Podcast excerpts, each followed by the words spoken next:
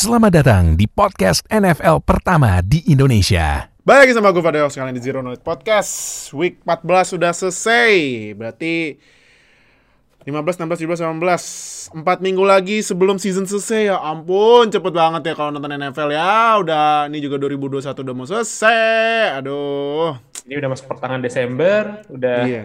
mulai playoff udah mau kelihatan. Ya betul Jadi Dan tim-tim yang kelihatannya jadi kontender juga udah mulai ada muncul-muncul tim-tim Iya. sendiri gitu Yo, dibandingkan. makanya jadi ini empat minggu yang sangat krusial pagi buat tim kalian yang udah masuk playoff. Tapi kalau misalnya kalian ngefans sama empat tim ini udah tereliminasi ya nggak usah nonton. Jets, Jaguars, eh ya oke, Texans, sama Lions. Aduh, udah lah tuh empat tim. Ya, lu ikutan oka lah dan non- nontonin aja dari atas pohon gitu nontonin tuh, pakai teropong. Aduh, nah jadi yaudah kalau gitu kita langsung aja mulai review week 14 tapi sebelum mulai jangan lupa seperti biasa subscribe ke konten sampai subscribe biar kita upload dapat notifikasi so nonton biar gak ketinggalan sama NFL di Indonesia like comment share video ini semua sosial media kita udah kita tulis di deskripsi video ini langsung aja join semua nggak usah malu-malu biar ngobrol sama semua fans NFL di Indonesia jadi yaudah kalau gitu kita langsung bacain skor-skor di week 14 yang per yang pertama tuh backgroundnya Oka tuh udah dipasang tuh. Si bego tuh nggak? On dasar. Selebrasinya kan, selebrasinya kan gitu. Nunjuk Iya. ke depan. First down. Iya, ini maksudnya ini, itu dia sih maksudnya nunjuk nunjuk ini kita ke ini Steelers ke ini playoff exit gitu. Oh, on Terus dasar. exit gitu. Nih Vikings ngalahin Steelers 36-28 nih matchnya ya seperti biasa lah kalau nonton Steelers pasti me- mengetes jantung dan bener juga ngetes jantung. Dan nggak cuma Steelers loh, Vikings. juga ya. Vikings juga kan, iya kan Vikings juga tukang finish am, ah, ini ya nanggung-nanggung ya. Duh. 29-0 tuh. Iya, awalnya. makanya. Awalnya 29-0 loh first half. Gue aja udah mas nonton terus dikasih teman gue ngasih link ini panutan Yinzers urinating tree. Tinggi-tinggi tadi langsung We are going to Super Bowl pakai nge-wave ya, yellow flag apa uh, terrible, Terrible towel. towel. Yeah, we are going to Super Bowl. Diputar, langsung putar-putar ya. Langsung putar. Iya. Antusias sekali. Aduh, emang kocak Steelers. Udah cari, gue nggak tahu deh draft tahun depan mending draft awal aja. Tapi nanti aja deh bahas Steelers karena ini masuk ditanya sama Mula. Ya, benar. Uh, next aja ya. Uh, nanti kita bakal bahas detailnya. Terus uh, next 49ers lawan Bengals menang 49ers 26-23. Ah, sayang banget ini Bengals padahal uh, bis udah ngejar ya. Di akhir-akhir udah nyamain, tahu-tahu ya 49ers-nya menang. Ya kan? Terus Falcons sama Panthers menang Falcons 29-21 ini gua bingung sama Panthers ini ya. Kayak main, terus di bench, terus main, terus di bench. Jadi QB-nya yang bener siapa? Nah, kita aja bingung. Iya, Pas dibilang I'm bingung. I'm back, I'm back ya, I'm back being mediocre, eh mediocre maksudnya ya. Rekornya ada 0-11 camp start. Ampun dah, ampun, ampun. Oh iya, rekor rekornya udah 0-11 ya berarti. Iya, makanya ngapain bawa balik Cam. Newton? Iya, mendingan mendingan PJ Walker dah. Gimana sih ini Panthers? Terus eh Cowboys lawan WFT menang Cowboys 27-20 akhirnya Cowboys menghentikan eh, apa streaknya WFT ya yang kemarin gue bilang minggu kemarin yang unbeaten eh, abis bye week. Jadi Cowboys makin memperlebar jarak buat menangin NFC East. Apalagi ini Gila ya nih Michael Parsons ya. Ini Michael Parsons udah, udah kunci Diro sih. Tapi gue mau bahas dikit. Ini Michael Parsons. Dia itu kan masuknya klasifikasinya inside linebacker. Kalau inside linebacker itu kan eh, tipikalnya tackle-nya banyak. Oke. Yep.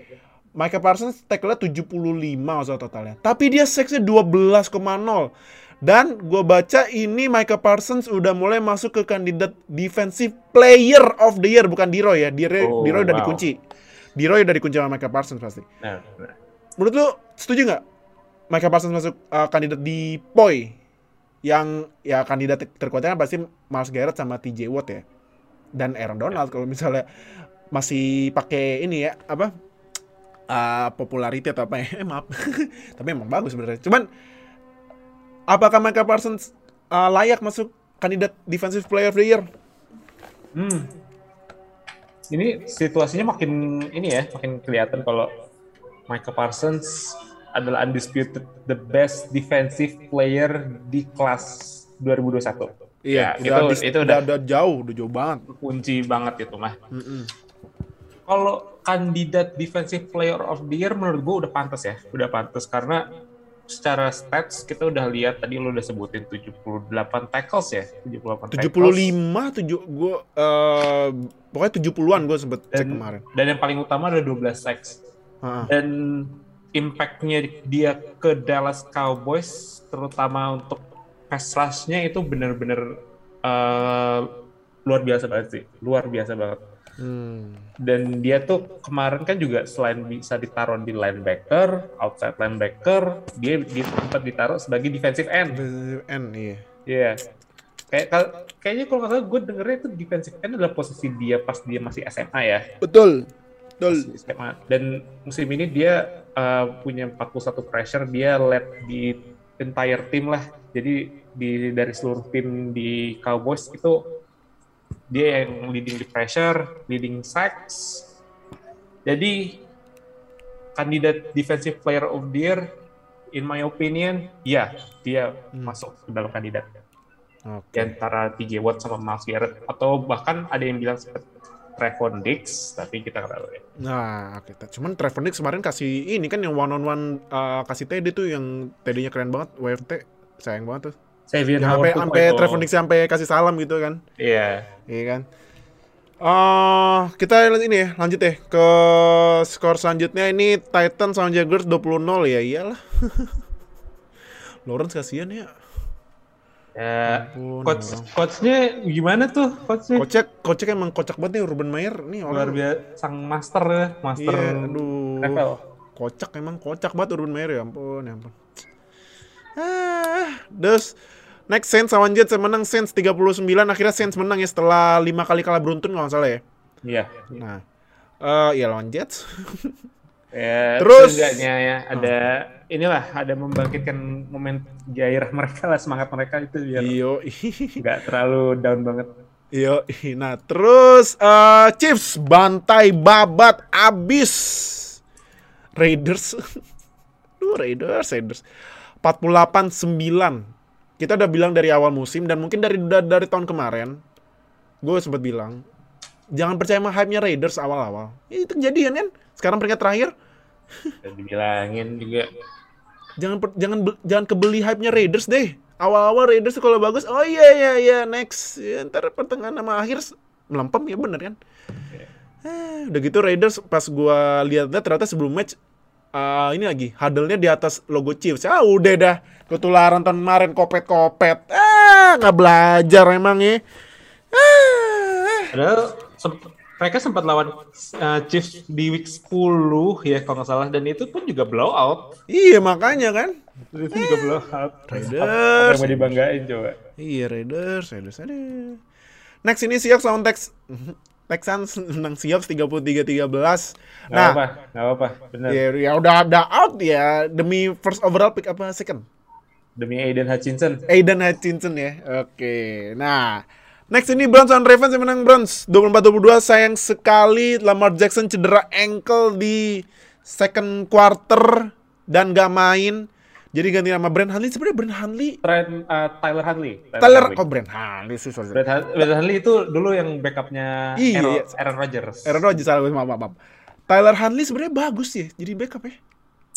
Iya, sebagai backup dia at least afford- uh, acceptable lah. Iya. Nggak buru-buru Tep- amat. Tapi sayangnya ya kalah lawan Browns. Makanya ini gue lagi-lagi bilang ya. AFC North ini kayak NFC East tahun kemarin tapi bedanya rekornya lebih bagus. Ini gue nggak tahu siapa yang menangin AFC North. Bisa nih minggu ini yang menang cuman Browns. Bengals, Steelers sama Ravens kalah. Browns Bingung aja menang, jadinya. menangnya juga karena sama-sama AFC North juga Iya, kan. sama-sama AFC North. Iya, makanya kan bingung gue jadi siapa sih yang mau menangin AFC North. Nah. Terus Chargers sama Giants sama menang Chargers 37-21 ini yang ada momennya Herbert yang pas mau habis first half udah ke, udah udah udah ke tackle dilempar long pass. Gila ini lemparan ya ampun, roket emang. Parah ya. Powernya tuh dia salah satu yang paling bagus di NFL. Iya sih, bener-bener. Coba Dolphins draft Herbert. Hmm. Eh, Coba ya. Nah, kan. Terus Broncos lawan Lions menang Broncos 38-10. Eh, Broncos masih coba kejar playoff spot karena indahannya AFC ini rekornya rata-rata 7 6 sampai 7 menang. Broncos kan sekarang 6 menang ya, kalau nggak salah ya. iya. Eh 7 eh, 7, tujuh, menang, tujuh, ya? 7 menang ya. Tujuh Makanya menang, Mas kalau- Broncos masih ada eh eh, ini apa harapan masuk playoff gitu. Nah, next ini Bills lawan Buccaneers yang menang Buccaneers 33-27 padahal Bills akhir-akhir ngejar loh. Iya. Tapi sayang ya ya Brady Brady touchdown ke 700-nya dan Brady satu-satunya pemain yang bikin 700 touchdown loh. Itu dia touchdown-nya walk off touchdown di overtime gila. 700 overtime game winning. Game winning dan untungnya bolanya diambil sama staffnya Bucks untungnya. Ya, untung Nggak dikasih ke penonton, untungnya. Untung nggak- untung nggak dikasih Untung. ke penonton. Untung yang nangkep bukan Mike Evans ya. Iya, untungnya nangkep Brashard Perryman, ya kan? Jadi Terus dia drop sesuatu sih. Iya, untung langsung staffnya pas lihat bola dilepas langsung ambil ambil ambil ambil ambil ambil ambil ambil ambil ambil ambil ambil buruan. buruan. Nah, terus eh Packers on Bears menang Packers 45-30 ya ini mm, lagi-lagi ya pemiliknya Bears kerja keras ya. buat ini menyenangkan para shareholdernya eh, Rodgers. Padahal ini sebenarnya Bears sempat mimpin tapi Packers ya ya pemiliknya Bears mau gimana? Iya, benar. Iya kan? Masa masa Bears berani-beraninya sama pemiliknya sendiri, ya kan? Lalu siapa? ya? Lalu Ownernya siapa? kan- Iya, lu kan punya lu. Iya, yang di tim sound yang sebelah ada ownernya. Iya, makanya. Nah, terakhir Rams lawan Cardinals menang Rams 30-23. Ini padahal Cardinals mau ngejar tapi sayang sekali terakhirnya ini sempat uh, kontroversi ya kata katanya seharusnya spike ball.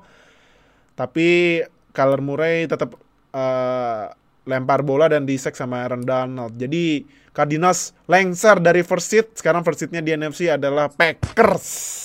Nah, jadi udah. Kalau gitu kita bahas pertandingan pertama Steelers on Vikings 36-28 udah skip boleh boleh di skip. Oh, itu tidak bisa, tidak bisa. Ah! Tunggu dulu. Gue males bahasnya. Ih. Kita bahas Vikings dulu aja deh, bahas Ya. Vikings dulu. Dari lu udah Vikings. Ya, Dari lu udah. Vikings kemarin eh, untuk tiga quarter menurut gue itu dia mereka nunjukin kalau mereka tuh bener kata gue waktu beberapa minggu lalu mereka adalah underrated offense Hmm. dengan QB yang it's uh, pretty good walaupun uh, secara tes ada yang bilang oh is- uh, dia ber- dia itu top quarterback atau gimana tapi enggak sebenarnya dia kayak Kirk Cousins is Kirk Cousins Iya. Dalvin Cook bener-bener Gila. gila, sih Dal- Dalvin Cook sih. Dia Emang juga Dalvin Cook tuh sebenarnya cedera tiba-tiba deket-deket game tetap aktif. Ah, anjir. Itu dia. Dalvin Cook kemarin 205 rushing yards, 205 dan 2 touchdown, satu catch dan satu 17 yards. Dan it dan itu sebenarnya harusnya Vikings pas se- setelah mereka mimpin 29-0, ya itu harusnya mereka ya habisin waktu aja, nggak usah main ngadi-ngadi terus ngasih ke Cousin terus lempar dia drop terus habis itu waktunya habis terus and out and out and out. Harusnya kasih uh, Davin Cook atau Alexander Mattison aja gitu dihabisin waktunya sebanyak mungkin. Eh enggak. Habis itu diserahin ke Steelers dan mereka kebobolan sampai 28 poin di uh, 3 menit third quarter dan juga fourth quarter. Berarti sekitar 18 menit ya 18 menit. Hmm. Itu mereka kebobolan 28 poin which is not good. Nggak bagus itu. Iyalah. karena ketika lu udah mimpin sejauh itu harusnya lu bisa manage the clock bisa main sabar aja dan nggak usah terlalu banyak eh, coba bikin play yang nggak perlu gitu loh. Dan kemarin tuh banyak banget Kirk Cousins eh, overthrow terus miss throw segala macem. Dan sempat bikin dua interception juga overall untuk Vikings kalau misalkan gue cuma nilai tiga quarter aja itu A. Tapi kalau misalkan sama quarter keempatnya gue cuma bisa kasih B. B doang. B. B yes. Itu untuk Vikings. Steelers gue nggak mau ngomong. Gue mau ngomongnya buat Fadil aja. Deal. Steelers Big Gua- Ben Oh. ya Nomor Big Ben tiga touchdown satu interception kemarin juga Najee Harris juga dapat banyak touch juga dan bolanya sebenarnya didistribute lumayan rata ke receivernya ya ke Dionte, ke Claypool, Iya. ke Washington, ke Moose, Iya. bahkan sampai ke Ray Ray McLeod loh. Iya. Ray Ray McLeod. Iya. Pertanyaannya, menurut lo apa yang salah dengan Steelers in overall? Apakah pemainnya, apakah coachnya, atau justru kombinasi dari keduanya? Pertama, menurut gua pertama itu kalau gua bilang yang udah sangat-sangat jelek itu adalah OL-nya karena OL-nya itu sangat ringkih. Ini sekarang starter OL-nya Steelers yang di left guard kalau salah namanya John Le, Le- John Legloy nggak salah ya. Itu udah OL ketiga. Biasanya OL kan maksimal dua ya. Yep. Ini udah yang pakai udah cari-cari di free agent. Terus juga OL-nya ini apa kalau lu nonton kan eh, si Big Ben kena 5 sack ya. Iya. Iya, yang tadi gue bilang OL-nya jelek, nembus mulu. Ya ampun, gue aja pusing nih. Udah gitu kan lu tahu kan Big, Big Ben udah tua, kalau nembus larinya udah ringki, udah aduh, udah ya ampun, ya ampun kan larinya. Jadi ya kacau, kacau banget. Kalau receiver sih menurut gua nggak masalah. Cuman OL-nya ini yang parah, parah banget. Jadi gimana ya? Naj- Naji Najee Harris oke 94 rushing-nya 20 tapi ya 20 attempt berarti kan 94 bagi 20 kan berarti sekitaran 4,7 ya. Ya, 4,7. 4,7 ya ya 4,7 menurut gua oke kalau di lihat stats gede cuman ya ya kalau lu cek lagi game lognya ya Najee Harris paling larinya paling paling banyak kalau misalnya lari ke tengah ya 3 3 yard, 2 yard, 3 yard, 2 yard. Ini juga yang longnya 23 entah kenapa tiba-tiba awalnya bagus buat haulnya. Dan sempat di beberapa quarter, quarter 1, quarter 2 tuh sering banget dia loss of yard kan, si Najee. Iya, makanya jadi kalau gue bilang salah pemain atau coach, menurut gue salah OL. Kalau offense ya, salah salah OL-nya gitu. Udah, aduh, hancur banget deh. Emang harus nanti first round tahun depan harus ambil OL sih, jangan QB menurut gue. Walaupun kalau misalnya ya, kalau misalnya kan gue cek di draft prospect itu ada dua OL yang tinggi tuh kayak Evan Neal dari Alabama sama Tyler Linderbaum Linderbaum. dari Mi- eh, Iowa. Iowa ya kan. Kalau dua, dua itu diambil ya kalau misalnya ada Kenny Pickett dari Pittsburgh atau QB lain yang lebih bagus sih eh, projectednya kayak misalnya Matt Corral dari Ole Miss ya QB mau gimana lagi? Gitu. Gue sih ngarepnya Steelers kalah terus nih biar draft picknya naik terus iya sih, bisa juga, bisa juga. Mending tanking sekalian ya. iya makanya nggak usah nanggung-nanggung biar ketularan sama timnya oh ke Texan tanking sekalian Tanking, tanking tuh jangan nanggung lah. jangan nanggung-nanggung Kali-kali langsung aja. Kan juga nggak ada lotre juga kayak di NBA kan. iya nggak ada lottery juga kan Iya. Sama terakhir reaksi lu soal play yang ada di belakang gue deh. Coba lu nunduk dikit deh, Oka. Anjing lo, tai, goblok. goblok, dasar Claypool. Udah tahu waktu habis. Eh, udah waktunya ab- mau habis, gak ada play eh gak ada playoff, gak ada time out. Ya kalau udah bikin first down ya langsung kasih bola ke wasit lah biar nyimpen waktu berapa detik itu kemarin itu dia kayak gitu aja bisa apa ngilang waktunya 15 Bisa. detik nggak usah Iya, Ya 15, ampun, 14, 15 detik. makanya nih bocah udah gitu eh di interview katanya eh gara-gara bolanya dilepasin pas dia lagi selebrasi bolanya apa waktunya habis. Ya salah lu Oon. Bego, ngapain selebrasi? Bocah dasar, bental bocah. Ah, ilah. Cuman kalau misalnya misalnya kalau misalnya kalau overreaction dua ya bilangnya Claypool trade aja atau rilis. Cuman kalau kalau misalnya dari gua yang udah paham Steelers saya ya jangan ya, Claypool jangan pergi dulu, WR-nya nggak ada pengganti dia. Hmm, Itu iya, iya. jadi ya ya udahlah kalau misalnya next game Claypool masih berulah padahal tuh kemarin Claypool udah di bench loh sempat di bench gara-gara yang abis dia selebrasi itu yang dia unsportsmanlike conduct yang nunjuk-nunjuk Oh, sampai yang kena helm ya. tuh ngapain juga itu kan itu itu di bench loh. Itu Dan- iya. dan sebelumnya yang dia bikin selebrasi konyol itu dia sempet catch yang bagus banget itu yang long pass cuman ya Ya gara-gara yang belakangnya Oka itu anjing selalu on dasar nih bocah. Eh, kenapa ya WR-nya Steelers tuh banyak suka ada bermasalah terutama di zamannya Mike Tomlin loh. Kayak Iya, ada makanya. kayak Antonio Brown. Antonio Brown walaupun ya salah satu WR paling bagus di dekade ini tuh, tapi ya Iya. Masalahnya tuh ada aja gitu dari Antonio Brown. Martavis Bryant, Mm. jangan lupa tuh. Ini kan nyimeng ya. Meng, Juju, Jojo, Joget. oh, Iya. Claypool, Childish. Ini semoga ya di Dion semoga ya di Dionte nggak ketularan deh. Dionte udah bagus nih, udah fokus dia mainnya dah. Jangan ketularan deh Dionte ya. Jagoan gue sekarang di offense sama Najeris dah dua tuh aja sisanya aw ah Bi- Big Ben udah bodo amat dah pensiun aja dah. Buruan. Bener bener, kayaknya sih. Iya. Aduh, udah langsung aja next game ya. Gue males Ya, kalau ya, defense gue udah males bahasnya. TJ Watt Oke. cedera, run defense-nya amburadul. Awah. Males gue. yang bagus cuma Minka doang, udah. Ah, Next game aja dah. Next game ini ada Nah, ini Cison Raiders 489 nih. Tapi kalau menurut gue ya, ya Chiefs offense-nya menurut gue masih rada-rada, tapi defense ini mengerikan sih, Pak. Banget, banget. Sama sama winningsnya gimana menurut Kak? Defense-nya Chiefs. Mengerikan. Kalau menurut sih mengerikan, kalau menurut gimana?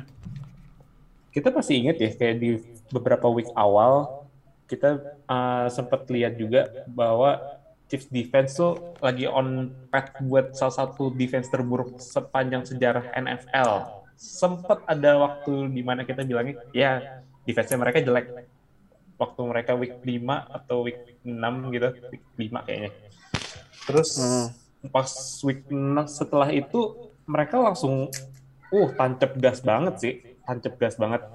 Mereka ud- udah menang 7 dari 8 kali pertandingan.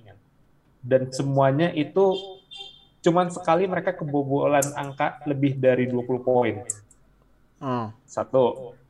Terus habis itu setelah uh, week 5 itu mereka bik- sering uh, tiap pertandingan tuh selalu ada bikin turnover dari defense-nya. Mhm. Mereka- jadi dan mereka terutama di pertandingan kemarin lawan Raiders mereka bikin 5 turnover dan itu ya salah satu ciri dari sebuah defense yang udah bangkit lagi Mhm.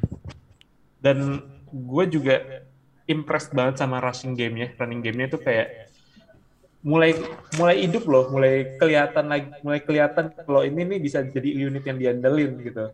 Mhm. Dan mereka juga 9 dari 13 interception conversion, terus lebih itu juga eh, Mahomes, ah, gue masih eh, menunggu Mahomes yang kita tahu nih, belum ada, belum kelihatan lagi Mahomes yang MVP atau 2019 Mahomes lah seenggaknya. Masih buat kemarin tuh masih dua touchdown in- zero interception tapi passer ratingnya 139,2 tapi kemarin itu running game-nya sih yang jadi MVP banget. Terutama uh, kombinasi Derek Gore sama Ceh itu bikin tiga touchdown masing masing untuk keduanya. Ya ini adalah bisa dibilang bisa dibilang Chiefs dan Raiders itu adalah uh, ekuivalennya dari Patriots lawan Jets Oh, iya sih, bener. ya, ya gimana karena Bener. yang satu Super Bowl contender yang satu ya selalu mengecewakan fanbase-nya Iya. Padahal udah pindah loh ke Las Vegas ya, tetap aja sama aja. ya yang dikecewakan sekarang orang Las Vegas Las Orang Vegas iya, beda Las itu Vegas, doang. eh. Eh, eh, next aja ya. Next kita ke Browns lawan Ravens. Aduh, nih eh, menang Browns 24-22. Gimana menurut tuh kemarin?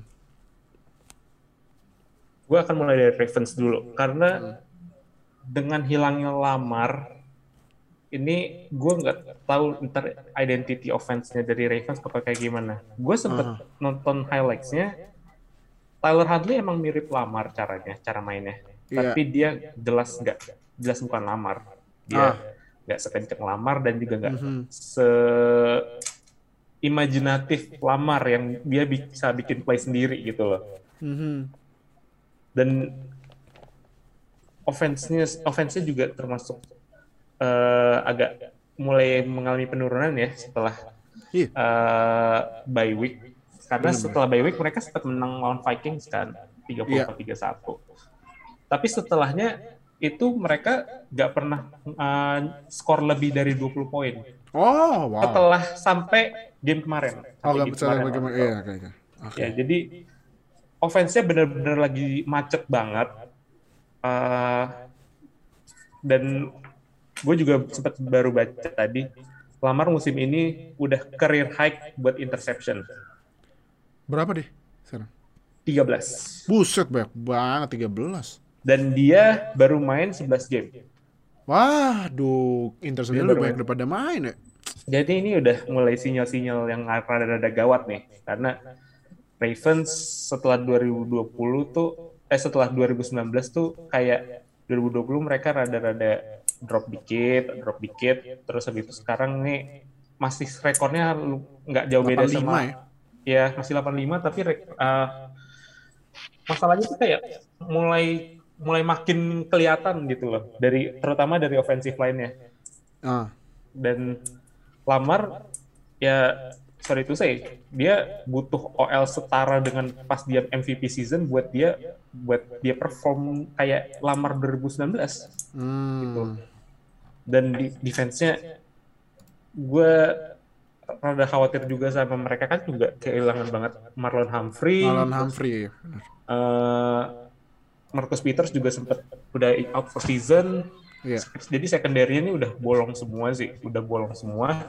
Dan pas defense-nya benar-benar kerasa kehilangan banget mereka. Mhm. Jadi isunya tuh nggak cuma di offense, tapi sekarang sampai ke defense juga. Iya. Makanya jadi lumayan bolong ya pas defense ya.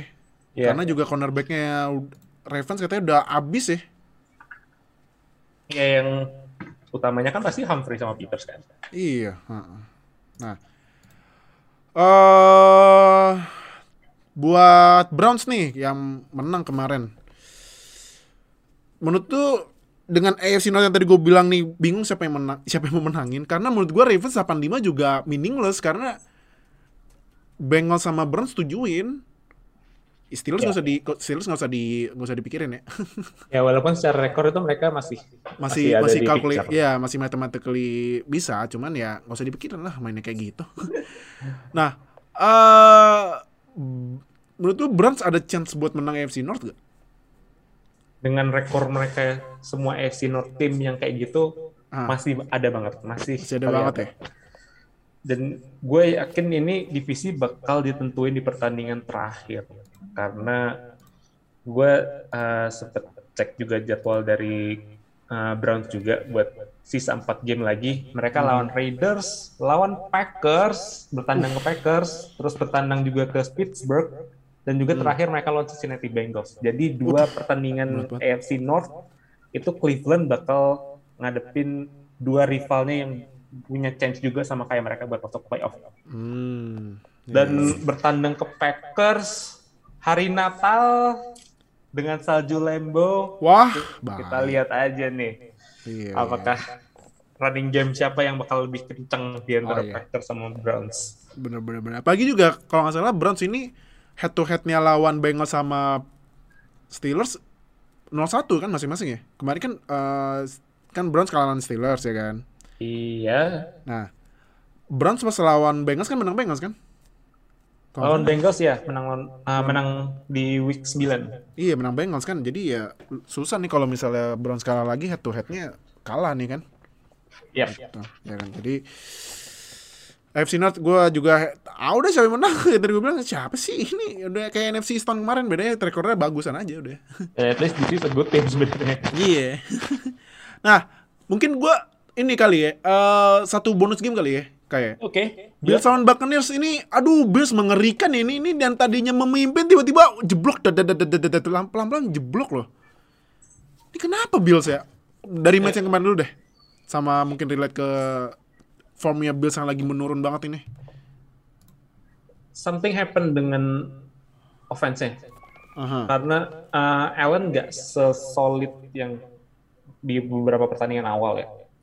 Dia udah uh, total tuh musim ini dia udah bikin 11 interception, masih 28 touchdown. Kelihatannya masih bagus ya. Cuman Mhm. dalam setelah mereka bye week di week 7 itu mereka udah total bikin 13 turnover which Mhm. is mereka dan mereka kalahnya kalah lawan tim-tim yang harusnya mereka menang. Mereka kalah lawan Jaguars, Mhm. mereka kalah lawan Steelers di week 1 Iya. Dan uh, sisanya sih ya tim-tim yang bisa dikatakan legit ya. Ada Titans, ada Colts, kemarin lawan Patriots sama uh, kemarin lagi lawan Buccaneers. On- Overtime menangnya. Mhm. Ah, apa ya kayak Allen pun juga sebenarnya eh, mas kayak masih ada kelihatan kayak QB bag, QB starter ya, QB eh, Q, ya top 10 QB lah, top 10 QB. Mhm. Tapi nggak di eh, kemarin pun juga termasuk dibantu juga sama running gamenya, tumben karena biasanya tuh Allen kerja sendiri sama Bener. receiver ya. Tapi kemarin itu total bikin 173 passing yards. Tetapi kalau misalkan kita lihat lagi, itu rushing yards hampir separohnya, eh lebih dari separohnya malah. Yang megang Josh Allen. Mhm. Jadi Josh Allen ibaratnya kayak hampir bisa dibilang kerja sendiri dia uh, buat nge-carry Bills. Dan itu juga harus juga harusnya nggak bisa ini nggak bisa kayak gitu harus ada support dari running game-nya juga Mhm. jadi overall gue nggak pede Bills bisa masuk ya dengan situasi kayak gini walaupun Josh Allen masih main as a top 10 QB tapi supporting cast-nya itu kayak rada kurang mendukung dia terutama di running game ya Hmm, oke oke oke oke. Oke. Bucks. Bucks, Bucks, Bucks, Bucks ini gimana nanti ini Bucks ya? Padahal ya tapi cuman kan kemarin ya sempat konyol juga kan yang Awiragi tapi Bucks gimana? Menurut lo?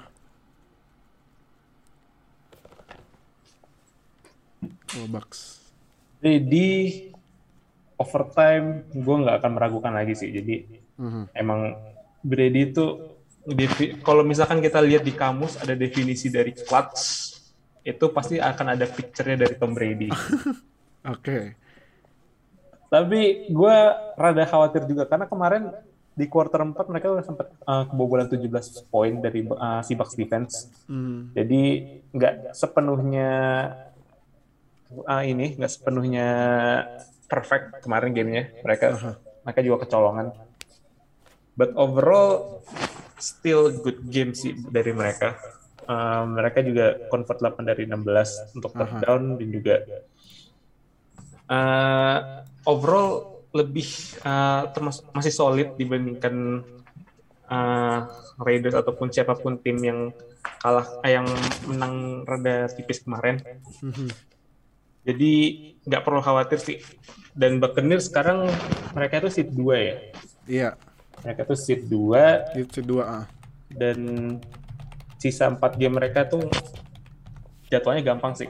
Jadwalnya gampang. Mereka dua kali lawan Panthers, lawan Saints, dan juga lawan bertandang ke ini. Kalau Aaron Rodgers adalah ownernya Bears, maka Brady adalah ownernya Jets. Wah. Oh, lawan Jets. Akan lawan Jets di week 17. Tapi Ini mah schedule-nya Bucks sisanya udah melalang mententeng aja udah jalan aja udah. Biasa aja. paling ntar di week terakhir lawan Panthers, Brady udah di bench, udah diistirahatin. Iya sih, ini ya Kyle Trask ya yang start ya. Kaltras, ya. Kaltras dapat satu game start lah. Nah, oke oke oke oke. Terakhir sebelum kita ke prime time game 2. Brady fix MVP nggak? Musim ini masih toe to toe sama Rodgers ya. Cuman secara stats dia paling bagus di antara semua QB. Jadi dia adalah front runner sekarang. Front runner ya. Front runner. 36 touchdown, 10 interception loh. Berapa? 36 touchdown dan 10 interception. Dia the league di passing touchdown. Dia udah break records. Gila, gila.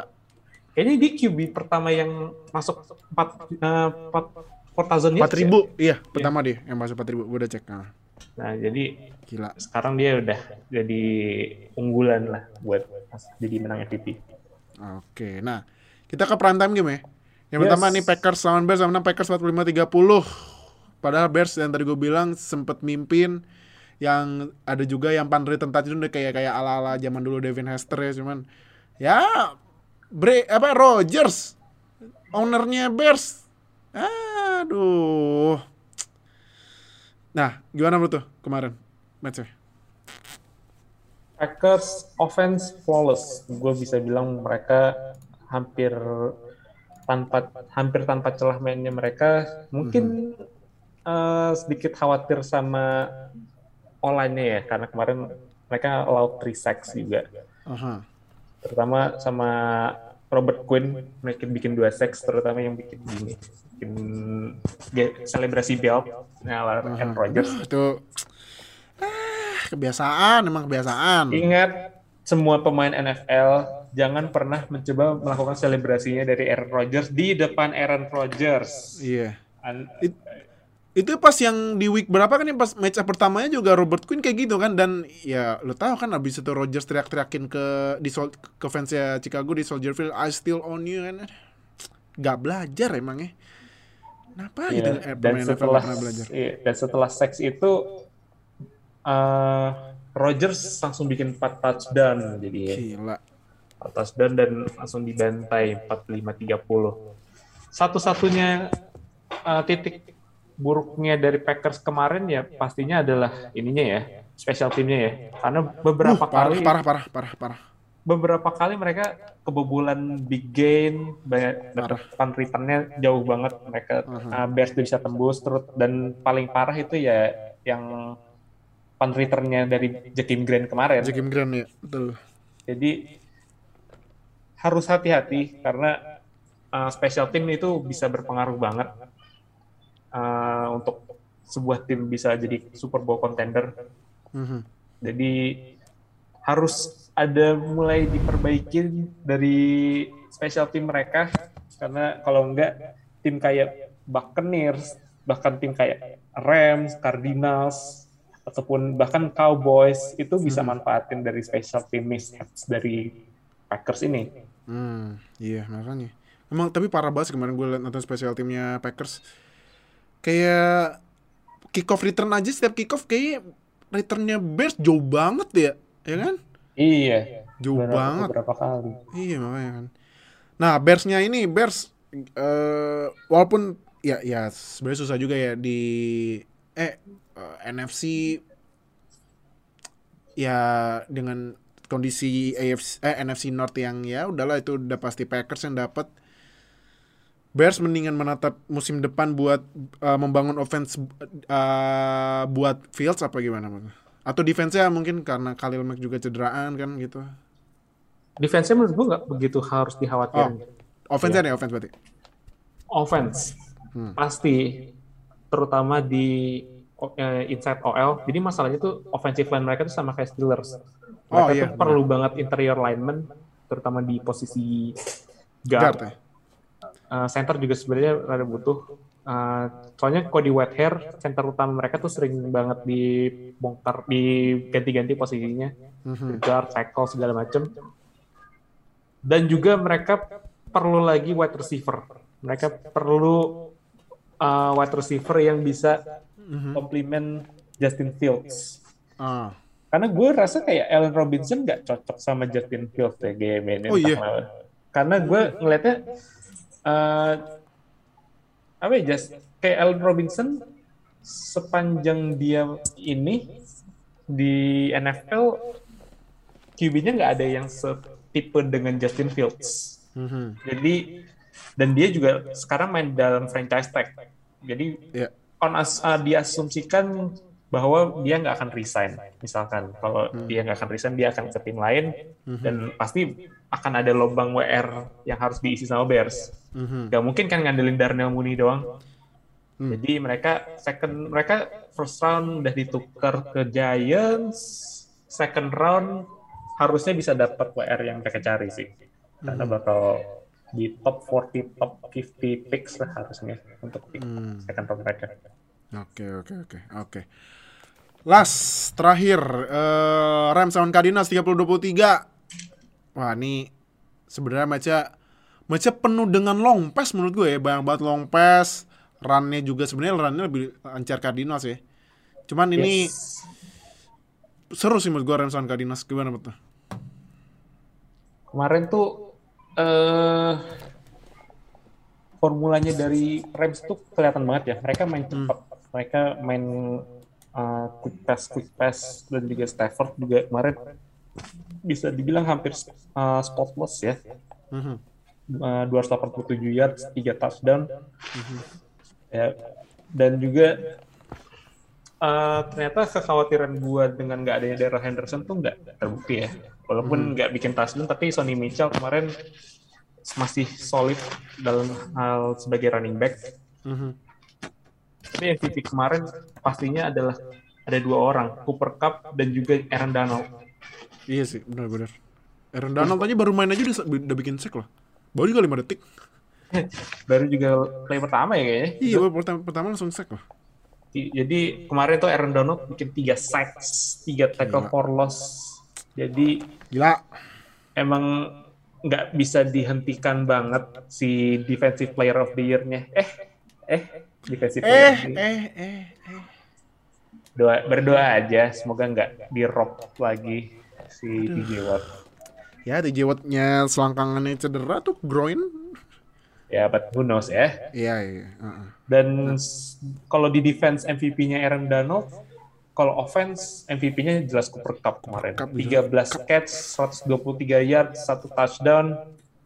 Dan ini ownernya fantasy dari Cooper Cup itu, wah seneng banget kemarin tuh. Banyak dapat poin dari Cooper Cup. Pak, saya kemarin lawannya, lawan saya Cooper Cup, Pak. Langsung, aduh, udahlah.